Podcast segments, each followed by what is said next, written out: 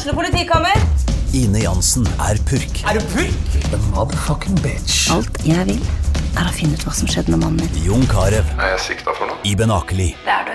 Ole So, Lars Berrum og Big Daddy Karsten. Hvem sin side er du på, egentlig? Anette Hoff, Tone Danielsen, Kommer du fra Afrika? Jørnis Josef, Nesten. Kløfta. Trond Espen Seim, Det er synd å si det, men det var feil mann som døde. Purk. Premiere tirsdag på TV2 Play.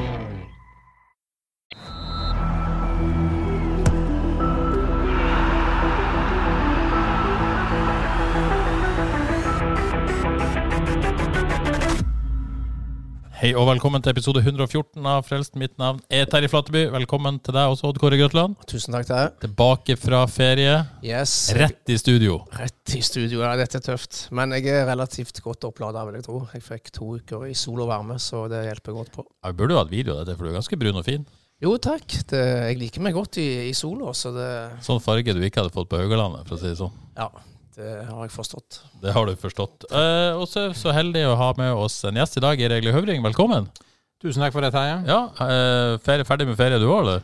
Ja, i hovedsak så er jeg ferdig med ferie, Ja. men jeg har litt grann på lur som eh, kan ta litt utover høsten. Ja, Bra farge på deg, og ikke helt Grøtland-standard, men Nei, eh, det Jeg eh, kaller meg selv helt gringo, og det er Ja, grunn av den hvite. Så jeg har ikke hud for å få den fargen, men jeg har vært i Syden, jeg òg, og du har vært det? Ja. eh, slikt litt sol, ja. ja, du koste deg der? Helt topp. Helt topp, Ja, men strålende. Og litt ferie igjen, da. Det er jo fint. Ja, det er litt greit det er jo utover høsten, og da Jeg har en, eh, en leilighet nede i Spania som jeg får reise til, og da eh, er det greit å ha noe på lur. Det er aldri feil. Jeg skal ha ei uke til neste uke, så herved advart, det blir ikke frelst i neste uke, sier det allerede. Det er en skandale, men sånn er det.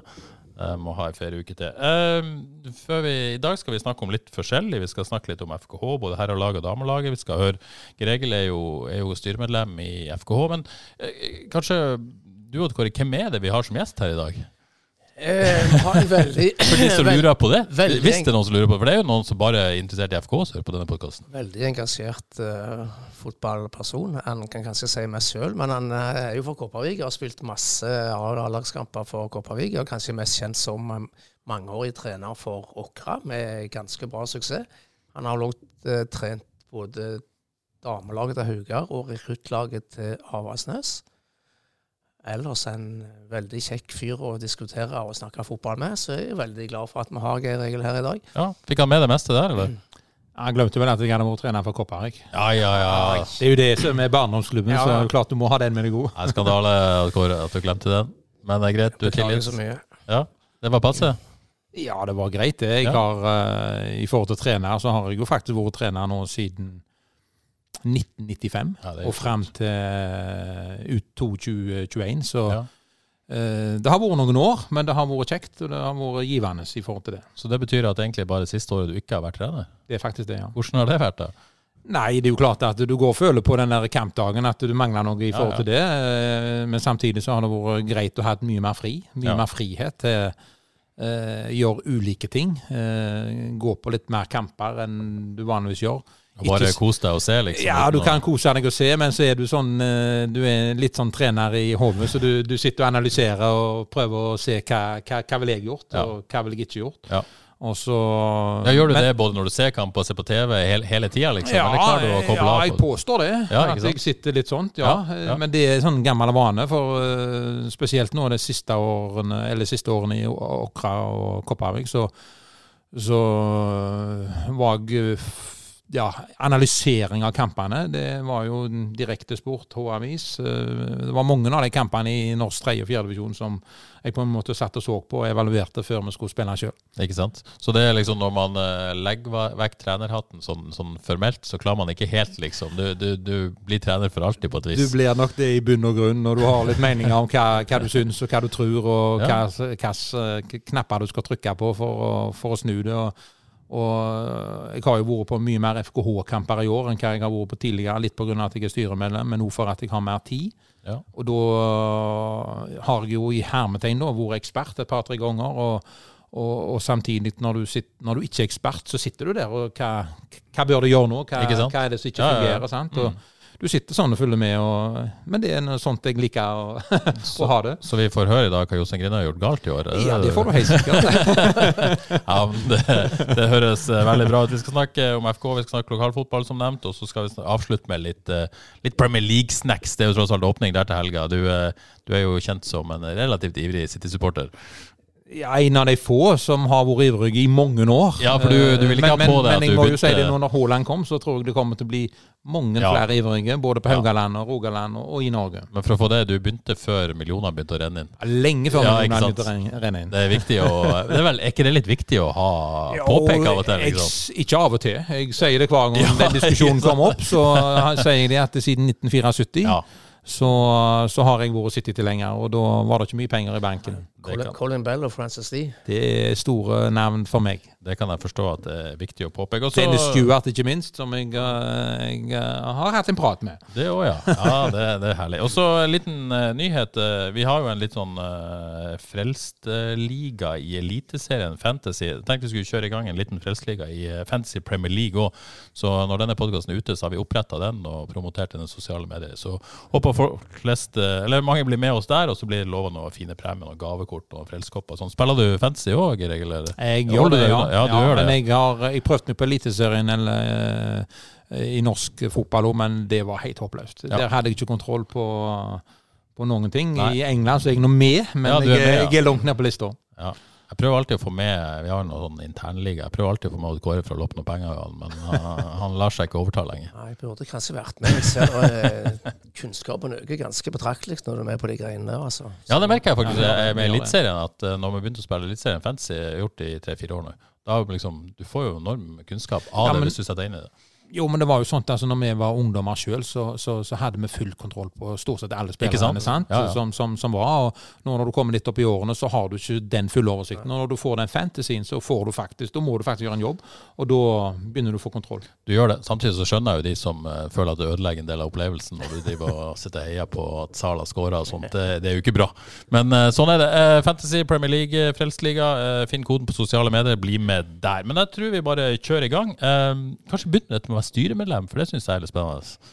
Uh, styremedlem i FKH, fotballklubben, ikke sant? Det stemmer. Uh, for der er det jo et AS-styre og det er et fotballklubbstyre. Hvordan, uh, hvordan havna du der først? Nei, jeg fikk jo en forespørsel om jeg var interessert i å, å være med. og det er jo klart at For å holde kontakten og være i fotballmiljøet, så var det et godt alternativ. Jeg har jo hatt en del sånne henvendelser tidligere der jeg på en måte har, eh, de har vel vil hatt meg inn i styrer og litt sånt, men jeg har hele tida sagt det at eh, jeg vil være på, på banen. Jeg vil eh, bidra der, for jobben jeg har i det sivile er møter og møtevirksomhet. og og da på en måte eh, kunne være ute i det fri og slippe meg sjøl fri, har, har liksom vært en befrielse. Men når FKH kom på banen og ønsket å ha meg inn, så gikk det faktisk ikke så lang tid før jeg svarte at dette er interessant. Eh, og eh, nå har hun ikke vært så lenge, og har egentlig ikke fått uh, gjort så all verdens ennå, men jeg syns det ser uh, interessant ut. Du får jobbe på ulike fronter, og så er det jo, som du sier, to to ulike styrer her, på en måte, som styrer sammen, hvis vi kan si det sånt. Sånn at Litt spesielt, selvfølgelig, akkurat det, men, men, men vi har møtene i lag, og ja. jeg Er alle møtene i lag, eller? Nei, ikke alle møtene, men, men, men det viktigste er i lag. Ja. Eh, Der en på en måte for Vi har, I det styret som jeg sitter i, så er det på en måte det sportslige som, som, som legger til grunn. Men det er jo klart at eh, Ta en agenda der du f.eks. Eh, skal hente en ny spiller, du skal, du skal gi treneren sparken, så, så er du avhengig av at eh, du har økonomi i ryggen til å kunne gjøre det. Så du er avhengig av at begge styrene er til stede. Veldig få beslutninger dere kan ta uten at det får Ja, det økonomiske sammen. Det henger, ja. det henger sammen på en måte. Sånn at, eh, og det er jo viktig at du da jobber tett i sammen, og det, det gjør eh, Kristoffer er jo vår mann på en måte i det styret som jeg sitter i, og, og opp imot uh, AS-et. Og det er jo klart han gjør en kjempejobb i forhold til den koordineringen og den biten som er der. Det er ofte dere diskuterer om treneren skal få sparken. Eller? Nei, ikke så ofte.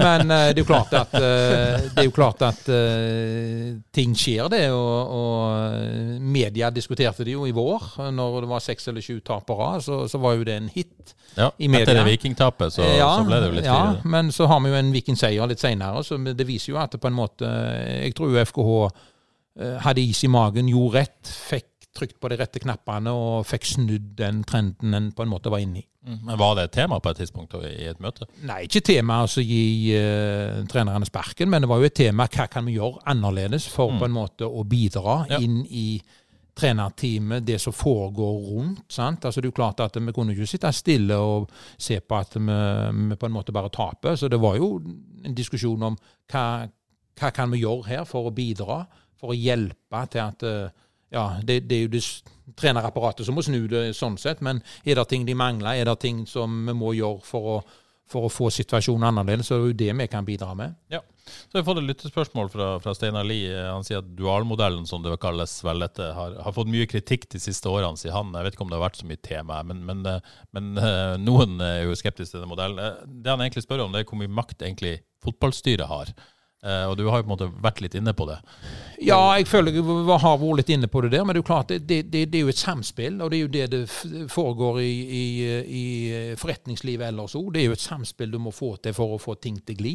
Og sånn som en er organisert her, så er det på en måte Da sitter noen gode hoder i det, det styret, og sitter det noen gode hoder i det andre styret. Og så lenge du har møtene i fellesskap, og en vet hvor en har uh, sin begrensning på hva en kan være med å vedta, så er det, jo, uh, er det jo den samspillet der som kan dra deg framover. Mm. Så jeg har ikke sett på det som noe problematisk i forhold til det. Det er bare viktig å vite at dette har vi å forholde oss til, og det har det andre styret å forholde seg til. Men så må vi snakke sammen for å løse de, de tingene som kommer opp. Mm. Så er det jo et, eh, et, et Sånne styrer er jo sammensatt med ulik type kompetanse, naturlig nok. Eh, du er jo en av de med, med fotballkompetanse i det styret. Det er vel du og Tore Lillenes kanskje, og, ja, og Randi Kvaløy, ja. som vel har fotballbakgrunn. Føler du at eh, det er nok fotballkompetanse i på en måte styre og stell i FK, da? Eller styret, da? Ja, i, i grunn så føler jeg jo det. Eh, det er jo klart at vi skal på en måte være en, en, en veiviser, en, en, tilrettelegger for at eh, sport i klubben skal kunne gjøre sin jobb. Eh, så om du trenger så forferdelig mye fotballkompetanse utover å vite hvordan mekanismene fungerer i en klubb, det tror jeg ikke du trenger, men, men, men, det er jo klart vi har tre sånne skalkeskjul, jeg og Tore og Randi, som du sier, som, som, som skal liksom gi hermetegn ja. kunne litt om men, men, det er veldig viktig hvis det ikke har vært noen? Så, ja, det tror jeg. Ja. For det er klart, eh, altså, jeg som, som som òg har vært trener da oppi dette, så jeg kan jo på en måte forestille meg at, eh, at Jostein og teamet hans, når de i den situasjonen de var, med, med så mange tap på rad eh, Altså jeg vet sjøl, når, når, når, jeg, jeg tapte fotballkamper i Koppang eller Åkra, så satt du på en måte alene. Eh, det var ikke så mange som kom og snakket til deg da, men de, de, de var veldig, veldig på når du, når du, vant og alt gikk bra. Da skulle de slå deg på ryggen. Men, men, det er på en måte viktig å være til stede når, når motgangen melder seg. Sant? På en måte at du, du, du, hva kan vi gjøre for å få frem det gode i resten av klubben for å, for å snu dette, den trenden mm. som vi er inne i. Kjenner litt til mekanismer rett og slett som slår Ja, jeg mm. Påstår det at det er viktig på en måte å ha det samspillet med oss. Ja. Og så er jo eh, folk der ute det er jo det er jo mest opptatt av det er jo på en måte overganger. Hvor, hvor, hvor involvert i styret er i på en måte sånne ting? Nei, vi er jo eh, involvert i den forstand. Vi, vi forhandler jo ikke fram noen overgang verken eh, i forhold til agenter eller den type ting, men vi får jo innspill inn i styret da. Nå har vi behov for det, eller nå eh, har vi behov for den type spiller. sant? Og så er det klart at da må vi inn og si noe om det om eh, hva vi i vårt styre kan si, men samtidig så må vi ha AS med oss, sant? for de skal sannsynligvis inn og finansiere dette her for oss å løse det. Så det er jo klart at innspillene kommer jo fra sport og klubben mm. inn til oss. Mm. Og så må vi forholde oss til de innspillene. Og av og til så må det være sånn at ok, nei, per nå så må vi bruke det vi har av spillere og spillergruppe. Vi har ikke penger til det. Eller så må vi gå inn og si ok, her må vi ta en risiko, her må vi ta en sjanse. Vi må gjerne ja, inn og hente den spilleren for å, for å unngå nedrykket, f.eks. Ja, tillater du deg å komme med innspill sjøl, eller på spillere?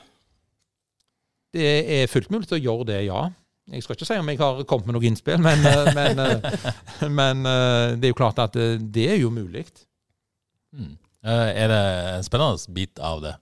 Eller er det bare sånn oss fra utsida som syns det er veldig spennende med overganger? liksom? Nei, det er jo klart at det er spennende med, med overganger. Og det er jo klart at det, det, du er jo hele tiden en klubb i utvikling. sant? Og det er jo klart at mekanismen i fotballen er jo sånn at plutselig så kommer det en interessent i en spiller som du på en måte eh, tror du skal ha toårskontrakt med, så kommer det inn en klubb og kjøper den. Og da må du Du kan ikke sitte på gjerdet og se på det, du må på en måte være på. Eh, så de er jo hele tiden markedet FKH for å være oppdatert og se hva som skjer, hva er det behov for, og tenke litt langsiktig. Ikke bare den kortsiktige hvis det er behov. Ja. Du, du, har jo veldig god kontroll på, på lokalfotballen. Bruker sport eh, deg eh, si, som en ressurs der, eller har de, har de full kontroll selv på det som rører seg rundt i, i lokale de har, nok, de har, nok, full kontroll på det som rører seg i lokalt. Og vi har jo et akademi i klubben som på en måte Nå snakker jeg da herresida, på en måte at de har, de har ganske god kontroll på det som rører seg i forhold til det. Så det kommer noen navn der som jeg ikke har eh, kontroll på, som, eh, som, eh, som de har full kontroll på. Ja, og Kåre, så har det jo vært en del snakk om Badou når du har vært på ferie. Mm. Ikke bare har han vært syk, han har vært gjenstand for mye spekulasjoner og rykter og overganger. Og, og også kommet fram at han ikke ønsker å skrive ny kontrakt med FK.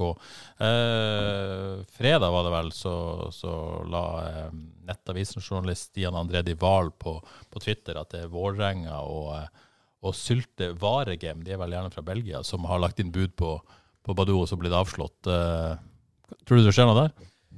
Eh, jeg tror FKH er veldig opptatt på, oppsatt på eller hva heter det, opptatt, opptatt av å beholde, beholde Badou resten av sesongen. Det har de vel uttalt òg, så jeg føler meg ganske sikker på at han, han spiller sesongen i hvert fall ut i, i FKH.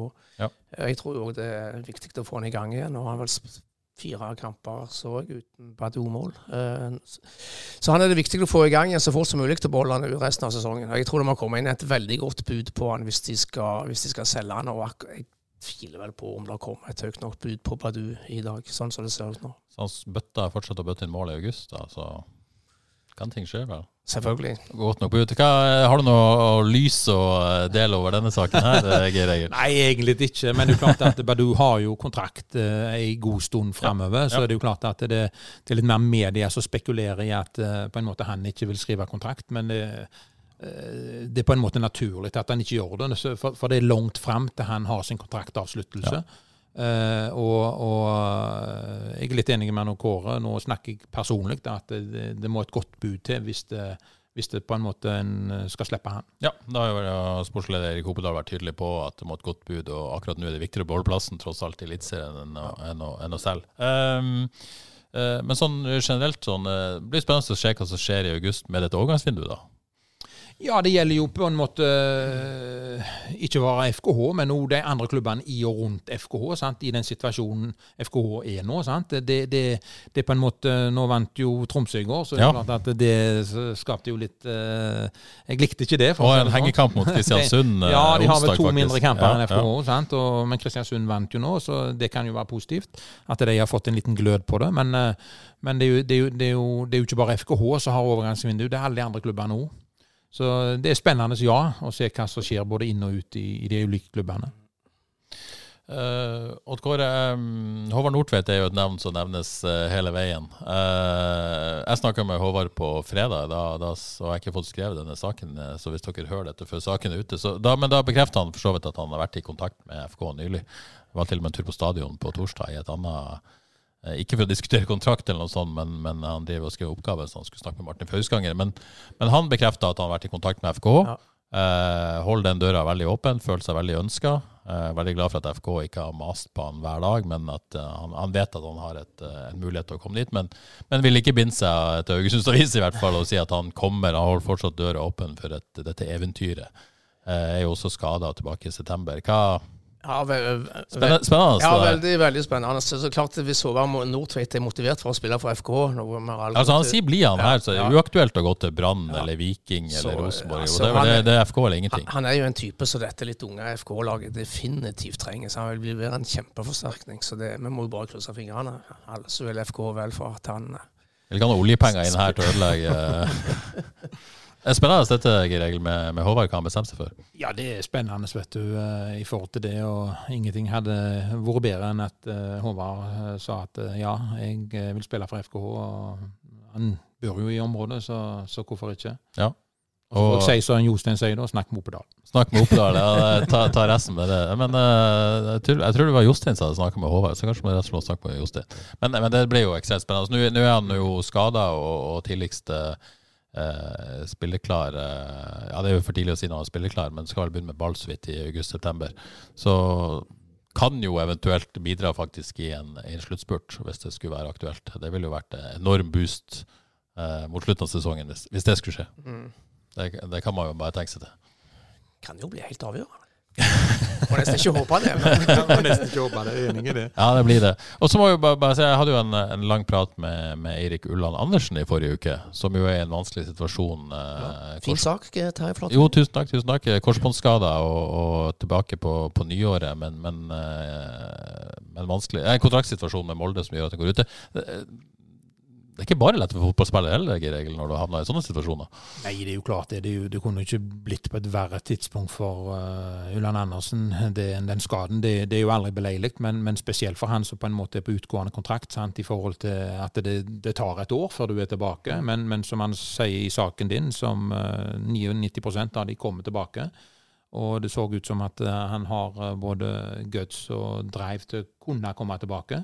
Så, men det kan jo være en god situasjon for, uh, for FKH, mm. hvis han ikke får noen kontrakt der oppe. Ja, Tror du det blir et tema i eh, et FK-styremøte i nær framtid? Hvorfor ikke?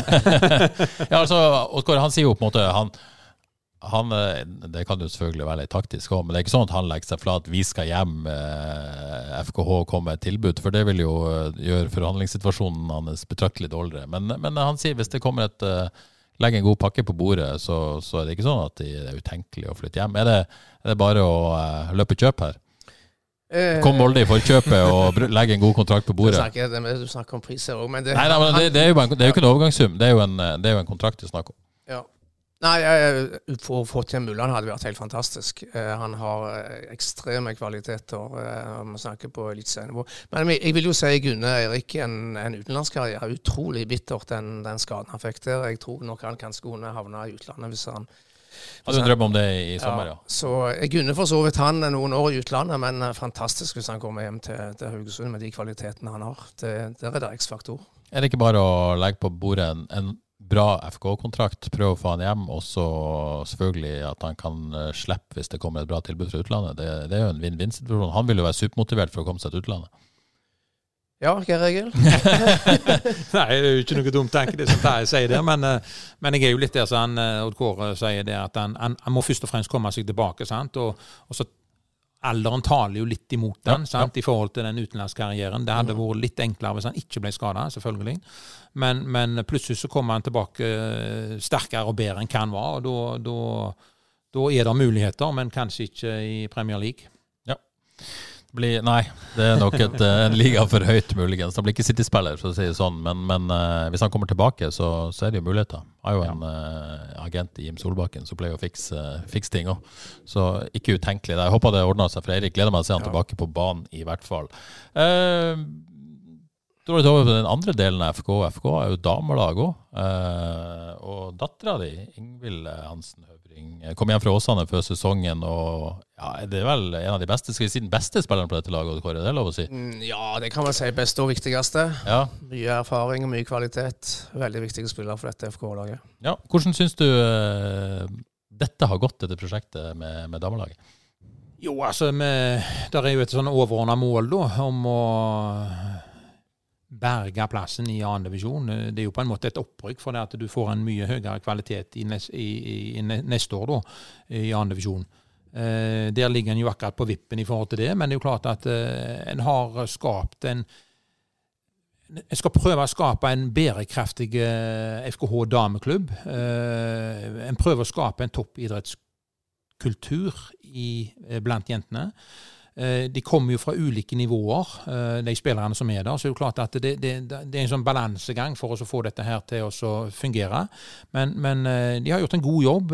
De, de, de trener, og de, de, de har ganske mange økter per dag. Så for, eller per uke, mener jeg. Per dag. Men, men i forhold til hva mange av de har vært vane med før. Eh, Så tidlig i, i, i vinter så var det en del skader litt som følge av det. Korona kom. Hele laget fikk det. Og når de kom tilbake fra det, så ble det litt sånn influensa. Så det, var, det, det tok litt tid til å begynne med. De hadde jo en åpningskamp her mot Stord og vant 5-1 eller 0, eller hva det var. Eh, Da så det jo helt strålende ut i forhold til at eh, de skåra masse mål og den type ting. Men så har det eh, der er noen toerlag som kan justere på noen knapper. Der er, der er noen andre klubber også som vil være i den annen divisjonen. Så, så det er jo klart at det er en spennende sesong for, for, FKH som sådan. Begge lag i hermetegn kjemper mot en strek i, under seg. Eh, forhåpentligvis. Mm. Så, så, nå begynner damene om 14 dager med, med, serien igjen. Så de to første kampene der er jo ekstremt viktige for dem på en måte for å henge med. Ja, for det er akkurat eh, for å forklare for de som ikke er helt altså det, det, De fem beste som på en måte beholder plassen i andredivisjon. Og så er du under den streken, så blir det tredjedivisjon neste år.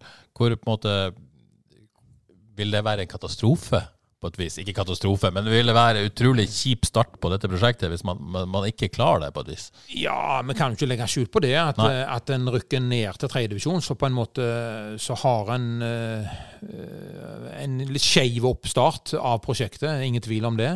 Eh, vi er jo litt usikre da på, på Si Viking blir nummer én og rykker opp. Hva skjer da? Er det fem lag fremdeles som på en måte holder seg i den andre divisjonen da, eller er det, eller er det da bare fire? Ja. Eh, den har vi jo ikke klart å finne ut av. Eh, men, men eh, der er, der er Det er en jev, voldsomt jevne pølje. Så altså Rykker en ned, så rykker en ned. Men det er jo klart at du får, en, du får et tilbakesteg i prosjektet. Det er ingen tvil om det. Men, men, det virker som du har tro på at en måte, etter en litt sånn øh, vanskelig vår der folk kom fra forskjellige nivåer og stabiliserte treningsmengde, stabiliserte øh, holdt på å si, grupper, da, at, det, at, det, kan være et pluss i, når vi går inn i høstsesongen? da, At ja, man har fått ja, vent seg til dette på et vis? i, ja, i større grad? Ja, det kan det. Og, og det er jo klart at eh, de to-tre siste kampene før ferien var oppløftende i den forstand at en eh, hadde mot Bryne topplag, så de slår eh, overbevisende. Taper for Avaldsnes 2 siste kampen, leder 2-1, er best fram til 2-1, og, og, så snur det. Uh, så det er jo klart at uh, Os har de jo kontroll på rett før. Så, så de to, tre, fire siste kampene viser på en måte at de er på rett vei. Uh, så vi håper at de drar det med seg inn i høstsesongen. Og er det litt grann, uh, av disse jentene som forsvinner på skole Natalie er jo allerede reist ja, til USA. Ja, Natalie er veldig forsvunnet. Uh, ja, Og så er det uh, et par-tre andre som skal ut på skole. så der er, der er litt sånn Kommer det noen inn nå? som du vet Ja, det jobbes med det. Mm. det jobbes med det. Der kommer kommer inn en keeper som er på vei, og så jobbes det med alternativer. Anna Strøm fortsatte hun, eller? Hun var med litt det jobbes med henne òg, men hun skal jo tilbake til Bergen. Ja. Så det er jo klart det er en utfordring å få den biten på plass, men det jobbes uh, i, kulissene for oss å få spillerlogistikken på plass. Ja. i forhold til Hvilke keepere har kommet inn? Ja. Ingvild Iversen uh, har spilt i uh, Avaldsnes 2 for noen år tilbake, når jeg var trener der. Kommer fra Fyllingsdalen nå, vestsiden, men hun har vært ute i halvannet år med med korsbåndskade. Ja, ja.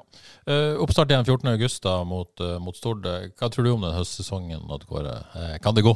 Ja, det, ja, ja det, det, kan definitivt gå. Vi visste jo på forhånd at dette kunne bli ganske tøft rundt den, den streken der. Men det ser ut som det kan bli en kamp mellom FKH og, og Loddefjord, sånn som det ser ut. Også disse toerlagene som litt sånn joker. Men jeg tror eh, nå vinner sannsynligvis FK mot eh, Stord er første runde i høst. Og eh, Loddefjord taper mot Fyllingsdalen, så er de over streken. Og der tipper jeg de blir men det blir veldig, veldig, veldig spennende. Men, men Egil, det er jo mange, veldig mange som lurer på hvorfor ikke Avaldsnes og FKH kan samarbeide. Du som styremedlem i FKH, har du lyst til å si, du lyst til å si noe om, om den situasjonen, de spørsmålene der, eller? Ja, Det har jo egentlig Kristoffer uh, svart i en uh, Haugesund Avis-artikkel. Uh, men det er klart at det foregår jo ting i FKH der en på en måte ikke bare ser kortsiktig, men noe langsiktig. Og Kristoffer sier jo det at vi skal jo ikke utelukke at på et eller annet tidspunkt kan det bli eh, aktuelt også, både å ha et samarbeid og eh, ja, hva vet jeg. Men det er jo klart at per nå så, så, så har FKH starta et prosjekt som de på en måte vil ha bærekraftig eh, fra, fra dag én av. Og må ha fokus der, samtidig som en har fokus på herresida for, for, å berge situasjonen der i, i Eliteserien. Så, så, men all honnør til Avaldsnes i forhold til måten de har på en måte fått lokale jenter egentlig til å Eh, ta nivået i mm. toppserien. selv om de ligger helt i bånn der, så har de jo på en måte de har spilt stort sett med et forholdsvis ungt lag, lokalt lag. Eh, nå blir det spennende å se, se hva som skjer, der i høst, i forhold til å klare de berge plassen. Klarer de å eh, få brukt de to nye spillerne som er kommet inn? De, sånn som jeg leste det i går, så er de ikke helt spillklare ennå. Eh, men ja, det er spennende tider på damesida òg. Ja, Høstsesongen eh, Tavalsnes begynner da 7. august etter helga. Eh, Arna-Bjørnar borte er det vel. Eh, går inn i den altså hadde to seire, én uavgjort. Elleve tap på, på vårsesongen, står med sju poeng. Eh, nå Denne grunnserien betyr jo ingenting, men spennende å se hvordan det går når, når det, dette sluttspillet starter. Ja, jeg, jeg har eh, Det blir kjempespennende, for å si det sånn. Nå er det jo sånn at de skal jo spille mot uh, to av lagene som kommer fra førstedivisjonen. Hva kan du si om nivået i bunnen? Ja, jeg, jeg, jeg, Ja. tror at nivået i toppserien er noe over nivået i førstedivisjon. Skal jeg være helt ærlig, så tror jeg det. Ja, Så jeg- altså toppnivå først. og Ja, ja, ja. Jeg tror, jeg tror at eh, de vil få problemer, de lagene som kommer nedenfra, uh, om, eh, om å klare å ta nivået til toppserien og komme seg opp. Det tror jeg. Så jeg, jeg tror Avaldsnes på en måte klarer seg. Ja, du er ganske trygg på at eh, det Ja, blir ikke noe førstedivisjon? ja, jeg føler at det er litt nivåforskjell i, i forhold til det. Og det er jo ingen lag i, i, eh, i førstedivisjon som, som har pekt seg ut, som Røa gjorde i sin tid. Som eh, eh, Det var vel ett lag til som rykte opp, nå husker jeg ikke hvem det var. Eh, Men, men, men de var, Stabæk var det. Stabæk, ja. Stabæk, sant? Og de var jo suverene i førstedivisjon, men uh, havna i bånn i Ja, det er litt dårlig tegn at det ikke er ett lag som ja, så der, mm. der er ikke noe, der er tre-fire lag faktisk som kjemper om de to plassene. og Det er jo klart at det kan det, det, det er spennende for førstedivisjon, men, men det kan være tegn på at det er et nivå som er vanskelig å nå til toppserien. Ja. Sånn uten videre.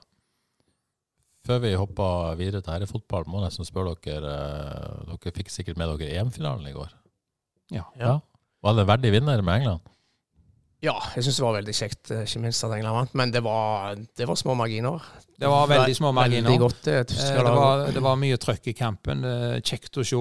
Jeg har fulgt nesten alle kampene i EM, og syns spesielt England-Spania. Ja, det. Det var en fantastisk fotballkamp. Tidens beste damekamp. Ja, og hun sentralt på midten der i Spania, det var en uh, utrolig god spiller. Jeg husker ikke hva hun hette nå, men hun var enormt god. altså. Og det, det, var, det var en fotballkamp som det var stor respekt av. Det, Ja. var, det var kjekt å se. Dette er med da, det var på en måte nok et steg for, for kvinnefotball.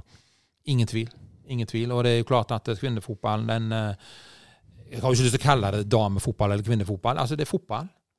Og, og, og, nå er det sånn at uh, interessen for det uh, er stigende.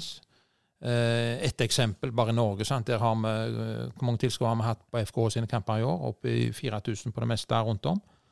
Så har du i Bergen damefotball. Så du, Med- med Brann, ja, Med brand, 10 000. Fin konkurranse med Rosenborg i, der. i, Ja. i Mm. 11 000 helga etterpå. Så det er klart at en, dette, kommer til, det, dette kommer til å komme, ikke Mm. bare i Europa, men i Norge, i, i, i Det var kjekt å få litt den, den entusiasmen hit hjem. For jeg føler Ja, ikke den, den ja. har ikke nådd hit ennå. Nei, den har ikke nådd helt hit, men Nei. du ser hvordan eh, på en måte de har fått det til i England nå, med den profesjonaliteten de har hatt der nede, der storklubbene, lag eh, De må ha damefotball på Mm. samme måten, og det blir helt annerledes. De, de, de kommer til å ta sånne nivåsteg som er helt utrolige. Så er jo paradokset selvfølgelig at alt dette gjør jo at ting eh, blir mer proft, og det blir bedre, og nivået økes. Gjør det jo enda vanskeligere å henge med, selvfølgelig. Eh, for f.eks. Avaldsnes, som, som det Ja, allerede er, har vist. jeg er helt enig i det, men hvis du ser, ser på Viking for eksempel, og damefotballen, så de har, måten de har etablert det på uh, De stykkene i avisa de skrev jo at, liksom, at det var alle, alle andre klubber gjorde, tok den der samarbeidsbiten, men Viking har faktisk bygd opp for bånn sjøl. De har, de har på en måte tatt alle i Stavanger i hermetegn og, og tatt de beste der og utvikla landslagsspillere, utvikla, gjort en kjempejobb og er på vei opp. Har ikke klart å komme seg opp fra andredivisjon, de har holdt på i mange år. Litt samme vei som FK. Ja, jeg faktisk talt. Mm. faktisk talt. Og det er jo klart at eh, de jo ser eh, at De hadde eh, Klepp i sitt nærområde. de har hatt Klepp i sitt nærområde, men nå er Klepp nede en divisjon. Og mm, de har jo ingen muligheter til å komme i den runden med, med toppserieligaen, for å si det sånn, nå i høst. Så de er på vei ned i forhold til det, og Viking påstår jeg er på vei opp.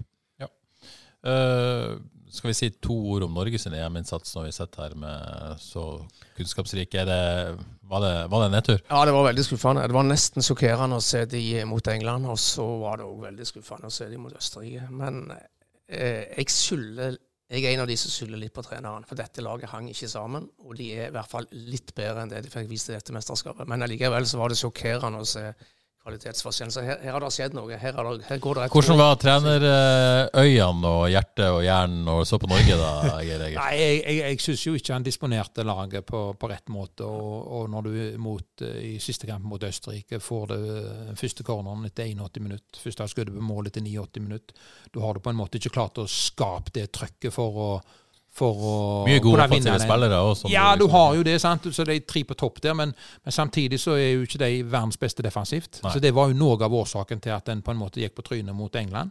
Og da tenker jeg laguttaket er ikke OK.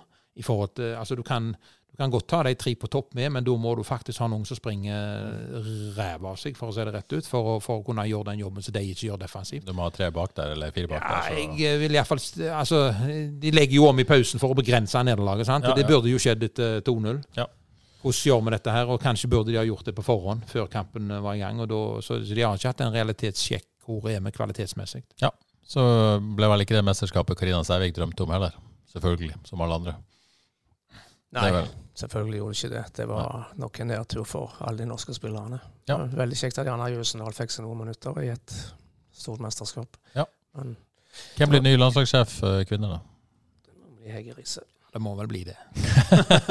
Enkelt og greit. Det er, vel, eh, det er vel eh, favoritten, det, i hvert fall. Ok, Jeg kan ikke ha dere to i studio uten å snakke litt eh, lokalfotball, da. Eh, Det er jo ikke kamper nå, og det er, det er litt sånn sommerpause. Men noe spesielt dere har lyst til å nevne fra, fra vårsesongen, og noe spesielt dere gleder dere til høstsesongen? Hva, hvor, eh, hvor står eh, spenninga? Hvor, eh, hvor er det hvor er det Yes. folk skal følge med? henne? Så Spenninga står jo dessverre rundt ned- nedrykksstreken også nedover i divisjonene. Altså, Man kan ta, begynne med altså, Vi har hatt eh, FKH og eh, Havasnes, Vard Heldigvis god slutt på vårsesongen. Eh, Tredje divisjon, alle lokale lag på nedre halvdel. Fjerde divisjon, alle lokale lag på nedre halvdel. Så må man ned til femte divisjon for å finne opprykkskandidater, og der er det bare lokale lag i den lokale avdelingen. Der må det være lokale opprykk. sånn Men eh, Det det, er veldig spesielt, altså. ja, Ja, Si dette noe om måte, tilstanden til fotballen her nå, eller er det litt tilfeldig? ja, jeg, jeg jeg vet ikke om jeg har noen fasit på det, men, men, men, men hvis du ser på de, eh, det som har skjedd etter korona, covid eh, Du har ikke fått trent skikkelig. eh, Litt flere skader, litt sykdom som henger igjen. Eh, Det er bare en liten del av det. Men er ikke det hos alle andre òg, da? Jo, det er hos alle andre. Selvfølgelig er det det. Men jeg vet ikke om jeg, altså, nedslagsfeltet vårt er ikke veldig stort. Det er ikke veldig stort. Der, altså, seniorspillere på Karmøy og Haugalandet er det Ja. få av. det er mange klubber Der, så- der, der, der er mange klubber som sliter. Se på Åkra, f.eks., som, som har så mye skader som de har. De har jo spilt med, med 15-16-17-åringer fra start. Opptil fire spillere fra start. Og det er per, i tredjedivisjon per i dag så er ikke det godt nok. Uh, og det er jo klart at uh, Verd uh, Jeg hadde jo forventa et helt annet Verd-lag, for å si det sånn, i forhold til i forhold til den situasjonen de hadde i fjor. Nå mista de jo Erling, og de mista en del eh, spillere, men de har jo fått inn. De har ikke vært helt heldige på spillerlogistikken. Nei. Uh, Djerv uh, Selvfølgelig har de mista noen spillere, de òg, men ikke så all verdens mange spillere. Jeg hadde trodd at de var mye Ja. tettere på, på toppen. Uh, men har, var det fire eller fem på rad de tapte i, før ferien, og det var ikke med få sifre heller. Åkra òg, det ble større og større tap utover vårsesongen. Uh, Koppavik slo seg på brystet før, de, eh, før sesongen. De skulle ikke opp i år. Og hadde en kjempestart. Der òg plutselig så eh, en del spillere som ikke var tilgjengelige underveis, må spille med masse juniorer. Eh, og, og som jeg sier, der er, der er få seniorspillere å ta av. Og det er få seniorspillere her som er seriøse nok til å ta av til å få de opp i systemet.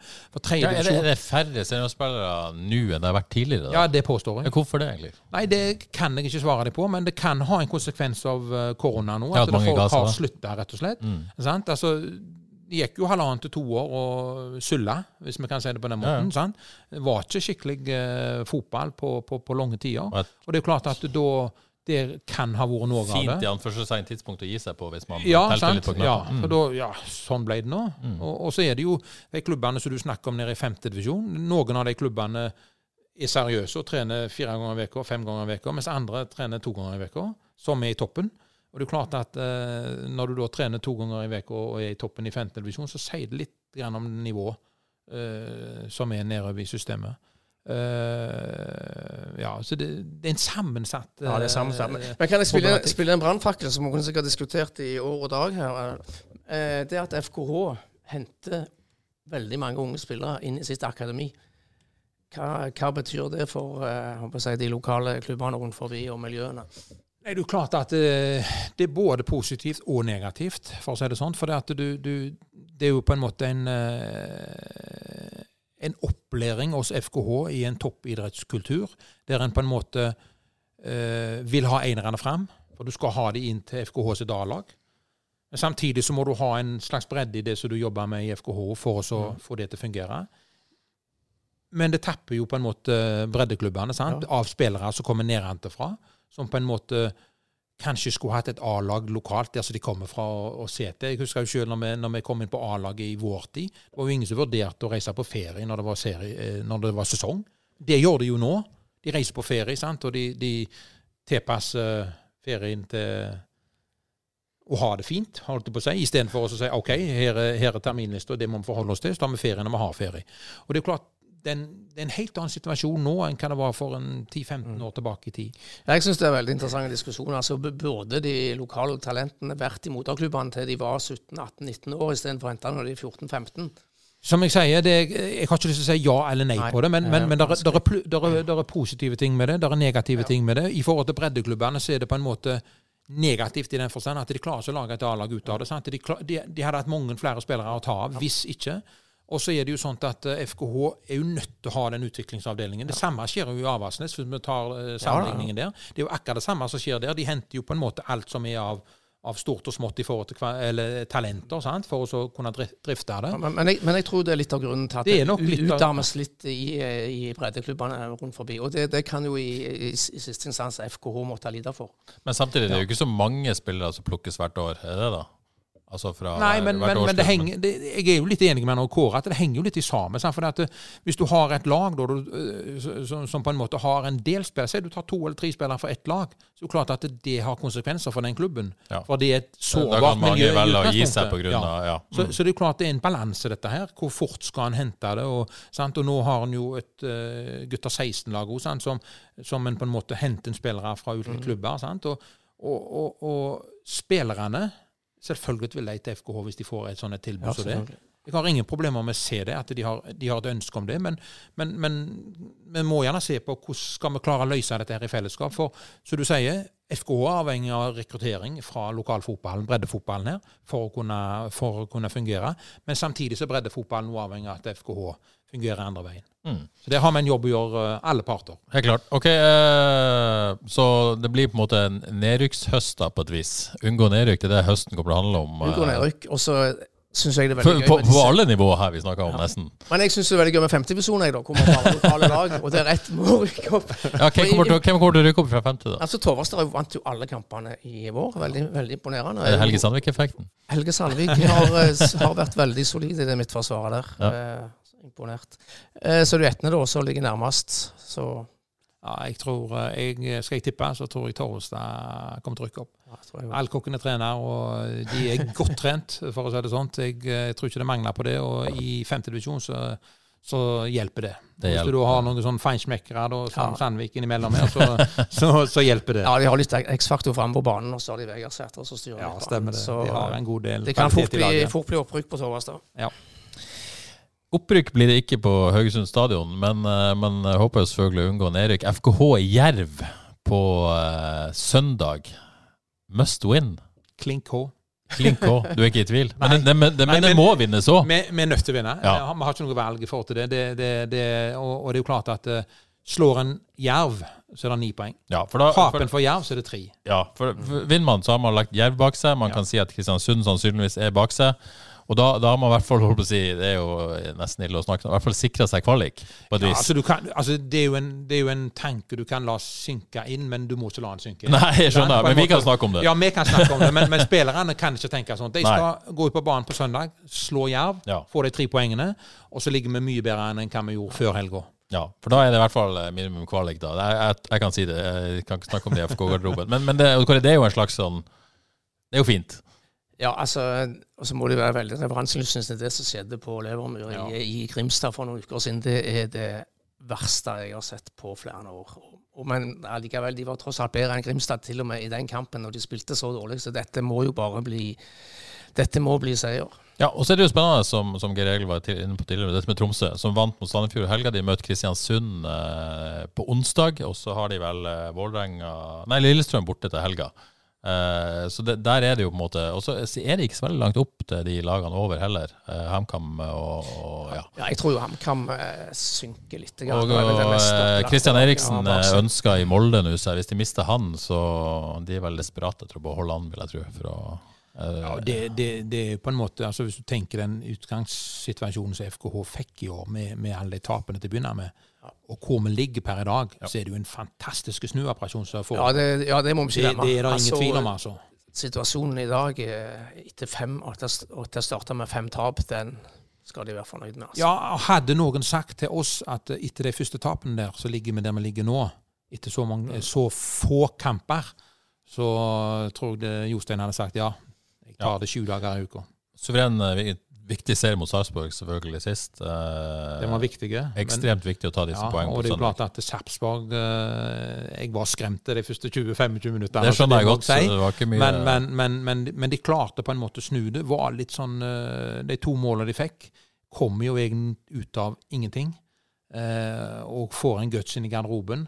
de får mål. FKH mot seg 10 mot elleve. Det så ut som Sarpsborg var én mann mer. Ja, det gjorde det. Så, så, jo, men det, det, det, var, det var skremmende å se at du får det målet imot der, og det skal ikke skje. Men, men det er jo klart at vi klarer å snu den kampen der. Det er viktig. Vikingkampen hjemme òg, sant. Altså, der å gå Viking opp til 2-1 med, med, med, med timer på banen.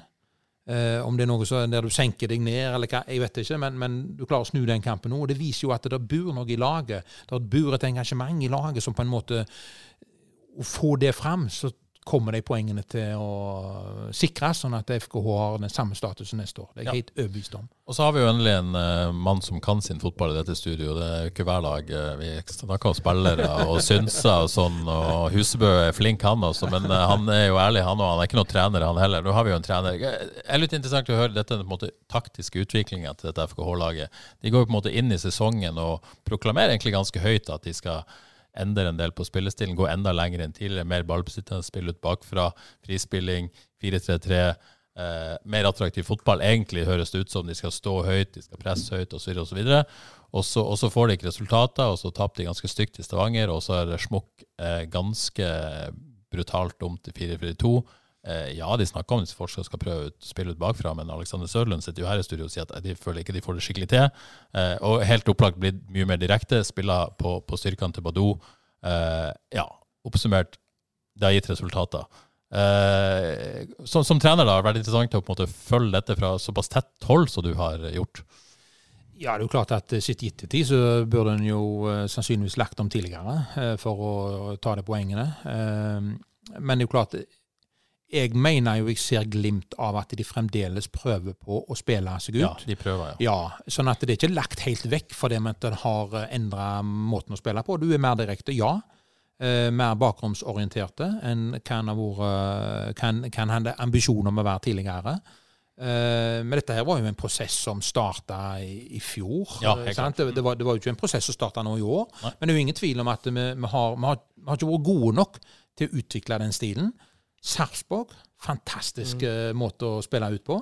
Det så ut som eh, FKH var i undertall hele tida. Men hvorfor får de det til, og ikke FK? Handler det om kvalitet på spillerne? Liksom, eller har de Jeg har jo ikke noen fase på det, men, men, jeg tror det at det du gjør på feltet, viser igjen på det du gjør på kamp. Ja. Så hvis du er flink å jobbe med det eh, på feltet, samtidig som du har trøkk i treningen, så tror jeg at du får det fram. Ja, For de har fått det til ganske fort? da. Ja, de har det. De har det og det, det, er på en måte litt spennende å se på. For hva har de gjort for å få det til? Eh, jeg syns jo det var altså, Litt tilbake til Åsane, når dattera mi spilte der. Jeg, jeg, så jo på den utviklingen der over. De starta i 4-3-3.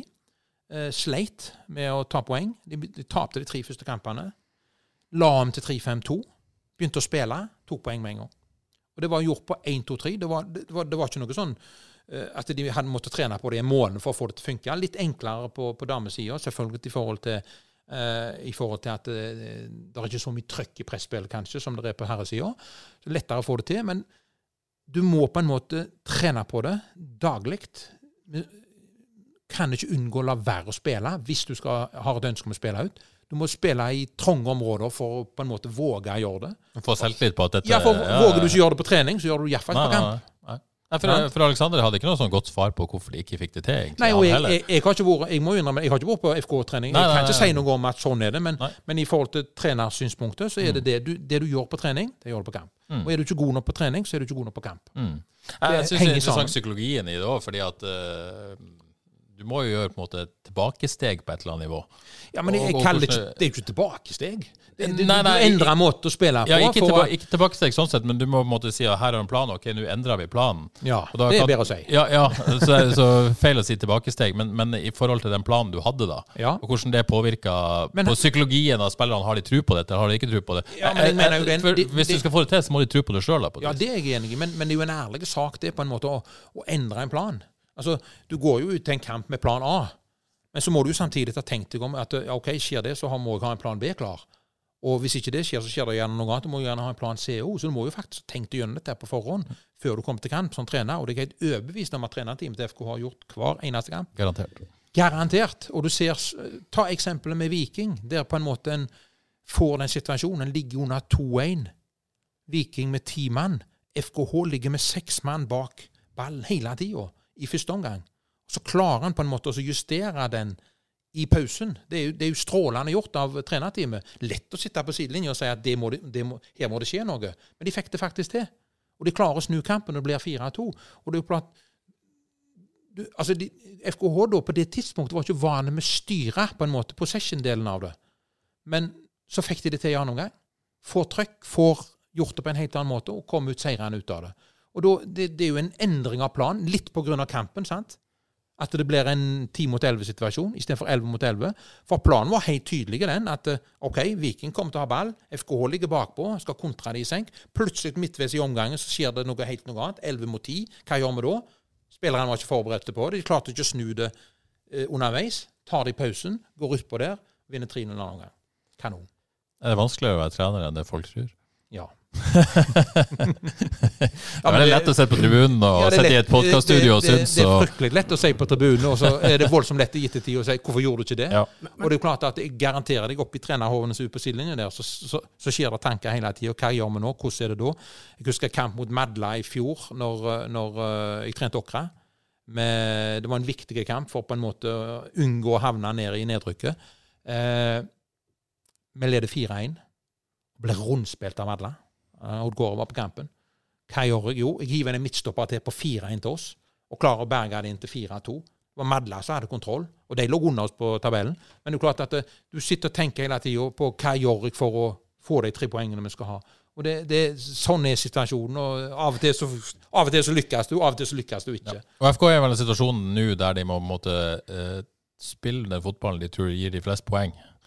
De er nødt til det. Så enkelt, på et vis. Ja, så enkelt er det. Ja. Vi kan ikke risikere at FKH rykker ned. med- med- Vi skal ha eh, FKH i Eliteserien eh, neste år òg. Men, men det som er litt interessant nå, hva gjør de med han eh, dansken som har kommet inn Ja, på for det, det står her, altså? eh, neste punkt på eh, Bra, Odd Kåre. Dette imponerer du. Eh, for de har henta ny dansk midtbanespiller. Eh, alle solomerker så er han kommet hit for å spille eh, fra start. Eh, så det er ikke sikkert han gjør det allerede mot, mot Jerv. Eh, men det er en sentral midtbanespiller, ingen tvil om det. Eh, de har Kevin Martin Krüger, de har Christos Safaris, som, som etter min mening er vanskelig å sette ut noen av de. Hva er løsninga her? det er det heldigvis Jostein og teamet her som skal, men, skal løse. men er det ikke en god naturlig løsning å kjøre han som et anker, som han tydeligvis er, og så få mer ut av Safaris i en indreløperrolle, så han trives bedre enn der han er nå, og Krüger Jo, men som eh, hva gjør du da med Badou, Oddgård? For Badou var ikke god som høyrekant. eh, og han, men- jeg, jeg syns ikke han er noe alenespiss i 4-3-3. Men eh, 3-5-2, er det ikke det som løser dette her, da? Jo. Så, som, de har spilt med, som de har spilt med suksess tidligere denne sesongen? Det kan godt hende det er, er løsningen, men jeg, jeg, jeg regner med han dansken som kom inn. Han er såpass god at han eh, skal jeg få banke på og så si at jeg skal være med på Ja. dette her. Eh, Men det gir jo laget fleksibilitet, da. Det håper jeg jo selvfølgelig at han gjør. Og Ja. om de da må forflytte noen posisjoner på noen spillere, ja vel. Det, og jeg er litt enig med Odd Kåre i forhold til Safaris. Han er mer en indreløper. Eh, så har du Eskesen nå, som på en måte har vært veldig god der i mellomrommet i siste delen før han var vekke nå de siste kampene. Men, men han var veldig bra. Sande har du der, sant, inn i det mellomrommet. Så det er jo klart at det, det, det blir en kabal for trenerteamet å, å, å løse. Jo, noen- jo mer konkurranse, jo bedre er det. Ja, for du har noen sentrale midtbanespillere som kanskje er bedre nærmere motstanderens mål enn enn de er, Ja, som, ja, som ja, en av to. ja, eh, ja. Og Noen er bedre rettvendt enn andre, og Ja. noen sant, kan ta opp det presset sentralt i banen. Og, så det blir spennende å se hvordan de løser det. Ja. Ja. 3-5-2-løsning, det er jo ikke noe de har Jeg har jo på en måte spilt det i, i faser av kamper, eh, åpenbart. Men har, har man gode nok wingbacker? Godt spørsmål. Men, eh, Altså, Tore Pedersen er jo en, en opplagt kandidat, men jeg, jeg syns ikke Tore har vært eh, der han bør være. I det siste har vi faktisk ikke fått lov å spille på dette laget engang. Uh, ja. Terkelsen kan spille høyre wingback. Kan Valstad spille venstre wingback? Ja. Kanskje best som venstre stopper. Ja, det blir spennende. det blir det. Jeg spør deg, jeg, Egil, du det er skal jo en slippe å lek med ha, sitter du og tenker dette ville jeg gjort hvis jeg nå var FK-trener. Har du en løsning på det? Du trenger ikke si løsninger, for det vil du sikkert ikke. Men øh, Nei, men altså, når du sitter på tribunen sånn, så, så, så jeg sa innledningsvis, så, så, så sitter du der og tenker ja, ja. hva ville du gjort? Hvor, ja. eh, hvor er det hull hos motstanderen? Hvor, hvor må du inn? Og, og, altså, nå ble vi jo voldsomt baktunge forrige kamp mot Sarpsborg. Altså, vi hadde jo to venstrebacker og to høyrebacker i en periode. Ble voldsomt baktunge der. sant? Så klarte de å lufte det presset. og da og Det var jo ingen tvil at vi på tribunen vi så nok det, og det gjorde eh, trenerteamet òg, men, men de klarte på en måte ikke å få de, få de frem før det var ja, rundt om en fikk en liten pause i spillet der. Så fikk de gå inn og så justere seg litt, grann, fikk trykke det litt lenger frem. Og det er jo klart at du, du, du sitter der, ja, du, sånn ville jeg gjort, men det er ikke sikkert det er fasiten det heller. ja, Det kan uh, hende det hadde gått rett vest. det interessante med denne 3-5-2-varianten er jo at du har liksom, ok, du har Krygård, uh, og Safaris. Ja. For så vidt kan ta de tre rollene, men du har jo Mats Sande som kanskje vil være best i en sånn type rolle òg. Du har Julius Eskes, som kanskje vil være best i en sånn type rolle òg. Så du har jo flust av de som kan fylle de tre i midten, men kanskje ikke gode nok til å fylle de fem tre stopperne og, wingbackene. da. ja. Det, jeg sier, det, det, formasjon det er jo et lek med tall. Selvfølgelig. For det, det handler jo om bevegelse. Det handler om uh, at spillerne er det for hverandre hele tida. At du lager overtall i det på den ene sida, og så snur du og lager overtall på den andre sida. Og da handler det ikke egentlig om 3-5-2, 4-4-2, 4-2-3-1. Helt klart. Og moderne fotball, én formasjon defensivt, én offensivt. Ja, ja, ja, det- mye, er mye, det har vi sett mye av det i Ja, ja, FK i år. Så mange måter har løst dette selvfølgelig. Det ser jo ut som en pyramide når du, når du har possession. Ikke sant? det- Men, det, de men vi er enige om at Badou må holde sentralt. Det er jeg enig i. Det, kan jo, altså, det vil jo være en nøkkel. Og med Alexander Sørlund i form så er det vanskelig på en måte å legge om til 4-3-3 i hvert fall. Syns jeg. Hvis man skal se det. To spisser. Det vil du ha. Det vil du alltid ha, Kåre. Alltid ha det. Alltid. Få ballen i boks. Ok, før vi gir oss her, så må vi uh, avslutte med en liten uh, Premier League-prat. Det naturlige spørsmålet her er jo Geir Egil, er, Pep on his way? ja, det kan jo være. Han er det. Always on his way. Always on his way. Uh, men du ble ikke litt bekymra på, på søndag, da? Overhodet Nei, på lørdag var det vel? Nei, nei, nei. nei. Nei, nei, nei, jeg, de tapte jo i fjor òg, akkurat den samme gruppen. Eller gruppe, gruppe, Community Shield. Ja, 1-0 for Leicester, og Ja. gikk inn og tapte for ditt lag, da, Tottenham, 1 Ja, i første ligarunde. Så jeg, jeg er mer bekymra for uh, søndagskamp mot Westham enn hva jeg var mot Liverpool. ja. Men, uh, men uh, tror du på ny liga- ligatittel? Det gjør du selvfølgelig. Ja, selvfølgelig. Ja. Ingen tvil, eller? Det ble, nei, det tviler. Det er jo klart at det er flere lag med i år, eh, påstår jeg. Eh, City og Liverpool vil være der. Arsenal, ikke minst, de vil være der. Chelsea er jeg litt mer spente på om de, eh, om de klarer å ta det. Tottenham, ja, mhm, jeg er litt usikker på det. Ja, Men du Arsenal sånn en tittelutfordrer? Er de så gode? Topp tre, iallfall. Ja. Jeg påstår det, for de har, de har uh, Arteta er flink. Han er en bra manager. Han, eh, han eh, Bare fordi han har vært i City? Den, Nei, det er ikke derfor. Han, han, men du ser måten han Ser du mye City i det Arsenal? Ja, det gjør jeg. Mm. Og du ser måten Altså, de starta på i fjor Arsenal. Det var vel de tre første med tap, var det det? Ja, de begynte å være litt tøft. Det var jo en periode. Tottenham leda jo etter tre kamper, og Arsenal lå Og- sist, og Han klarte å snu det, og det var jo en periode der de ikke fikk det til. Men, men du ser i prisisen nå, nå det, du skal ikke legge altfor mye vekt på det, men, men eh, Arsenal har jeg tro på, ja. Tror vi ødela de for godt i uh, Nord-London Derby i vår. Når vi sikra Champions League-plass. Nei da. Men uh, Arsenal ser jo bra ut i preseason ja, og ja, ser ut til å ha gjort uh, Tror du Jesus blir en, uh, en suksess for å spille midtspiss? Og... Ja, for i, i, City på en måte, der, der hadde han jo Aguero, sant? så han måtte slåss med hele tida, og det er ikke så enkelt. Uh, ville da plutselig bli kant. Uh, var bra der, men, men, han fikk aldri den tilliten på en måte at han kunne spille ti kamper bra. Det, det, det, skjedde jo aldri. Det kan han få i Arsenal. Da tror jeg han vil blomstre. Ja, Så vi fått spørsmål fra Sven Ole Høvring, som er nevøen din, eller? Ja. ja uh, Sean Goater eller Erling Braut Haaland. Braut Haaland.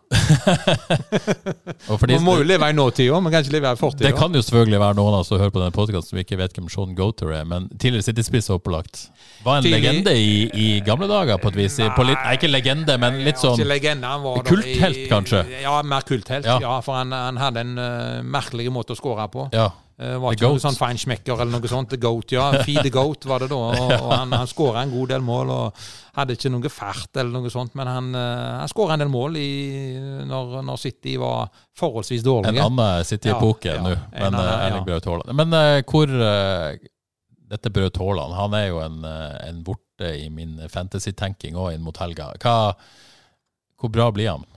Det ble jo spennende å se. Det er jo klart at nå mot Liverpool så, så var han jo på en måte rimelig usynlig. Ja, Det som City ikke var vant til å spille med en sånn Nei, altså det er jo klart at de sier falsk nier. Har vi spilt med i to år nå. Eh, har du en nier, så har du en nier, sier jeg. Eh, du har jo en spiss, men, men de spissene som City har brukt, har jo vært sånn som kommer ned i imellom og drar på en måte midtstopperen ut.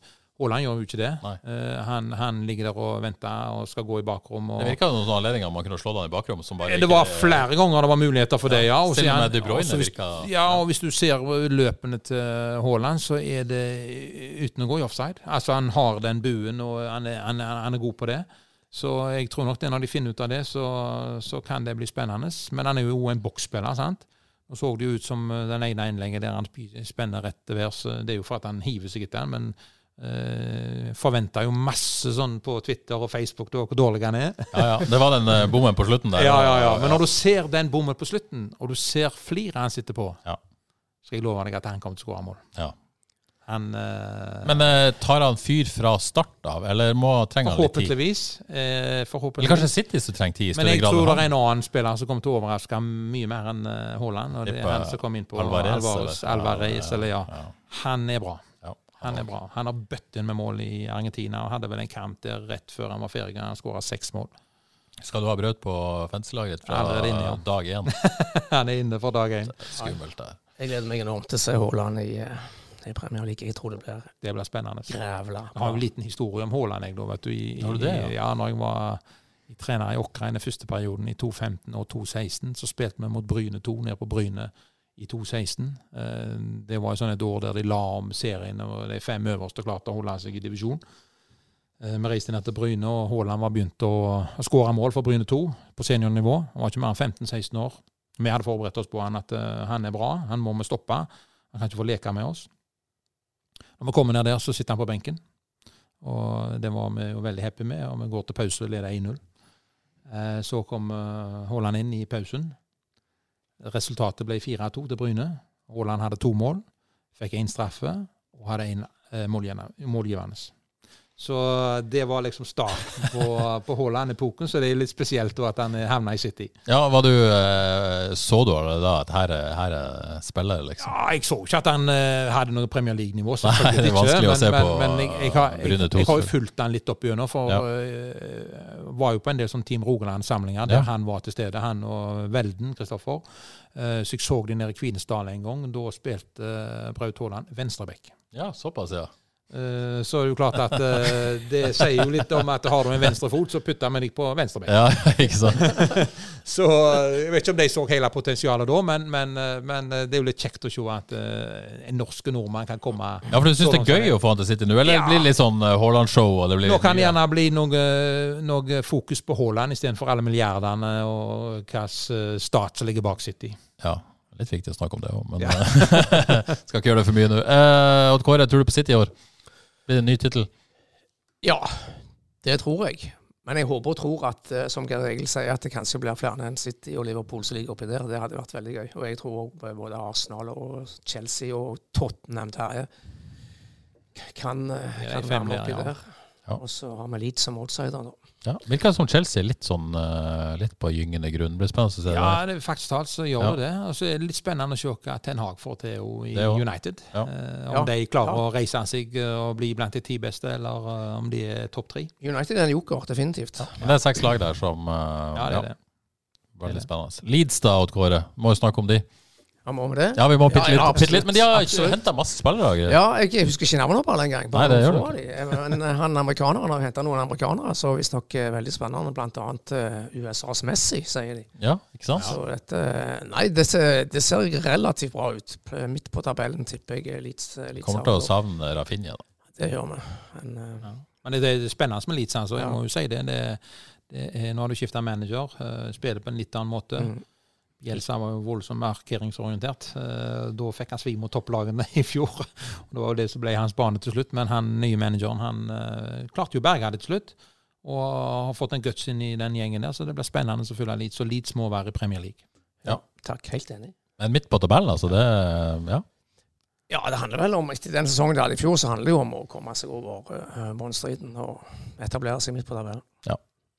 Det blir spennende. Jeg er veldig spent på Tottenham òg. Har jo henta en del i eh, sommer og er vel ikke ferdig ennå. Men eh, ja, det er noe på gang. Ja. Det er noe på gang. Det er spennende. Og har jo en bra trener, endelig. Så. Endelig igjen, får vi si. Eh, siste spørsmål. eh, Nok et spørsmål fra eh, nevø Høvring. Om du har noen tips til livet som supporter i League One? Det var noen streamgreier der. Jeg, jeg, var, jeg har en som jobba i lag med tidligere, som holder med Derby.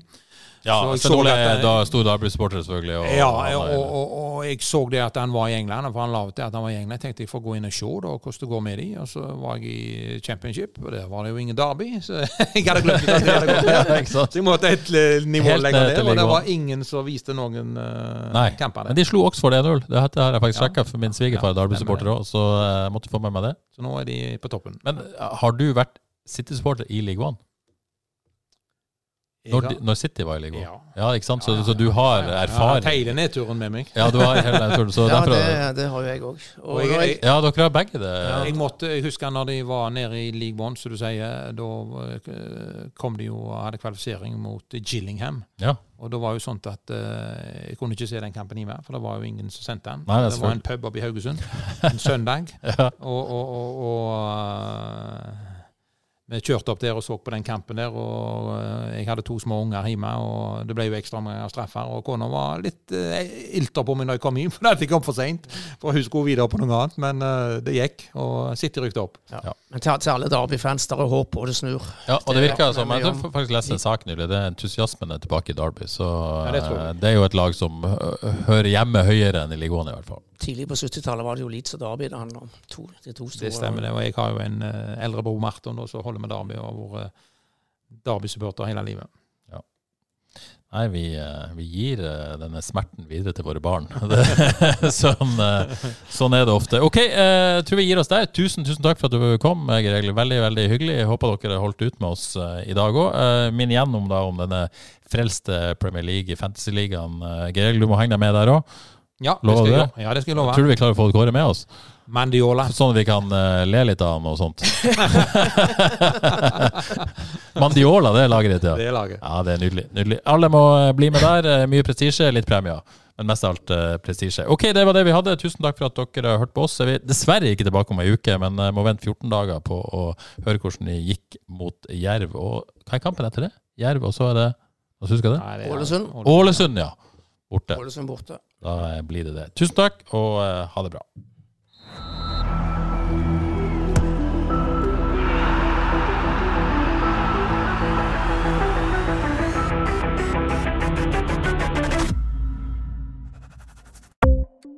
Ukens annonsør er HelloFresh. HelloFresh er verdens ledende matkasseleverandør og kan være redningen i en travel hverdag. Mange av oss har nok vandret i butikken både sultne og uten en plan for middagen, som ender med at vi går for de samme kjedelige rettene gang på gang. Middag burde være dagens høydepunkt. Som HelloFresh kan du nå velge mellom 25 ulike retter hver eneste uke, eller få HelloFresh til å sette sammen menyen for deg. Dette gir deg muligheten til å prøve nye og spennende retter alene eller sammen med familien. Du velger antall porsjoner og får alt levert på døren på et tidspunkt som passer for deg. Oppskriftene er enkle, og maten er lett å lage både for store og for små. Ved å få alt levert hjem får du også mer tid til å dele matgleden med familie og venner. Kanskje det frister med asiatiske tacos eller greskinspirert kylling? Da kan jeg anbefale deg om å gå inn på hellofresh.no. Her kan du bruke koden FOTBALL og få opptil 1779 kroner i rabatt på de første fem matkastene hvis du ikke har prøvd Hello Fresh tidligere. Du kan også bruke rabatten hvis du har vært kunde og stoppet abonnementet ditt for tolv måneder siden eller lengre. Gå inn på hellofresh.no og bruk koden FOTBALL. Har du et enkeltpersonforetak eller en liten bedrift? Da er du sikkert lei av å høre meg snakke om hvor enkelt det er med kvitteringer og bilag i fiken, så vi eh, gir oss her, vi. Fordi vi liker enkelt. Fiken superenkelt regnskap.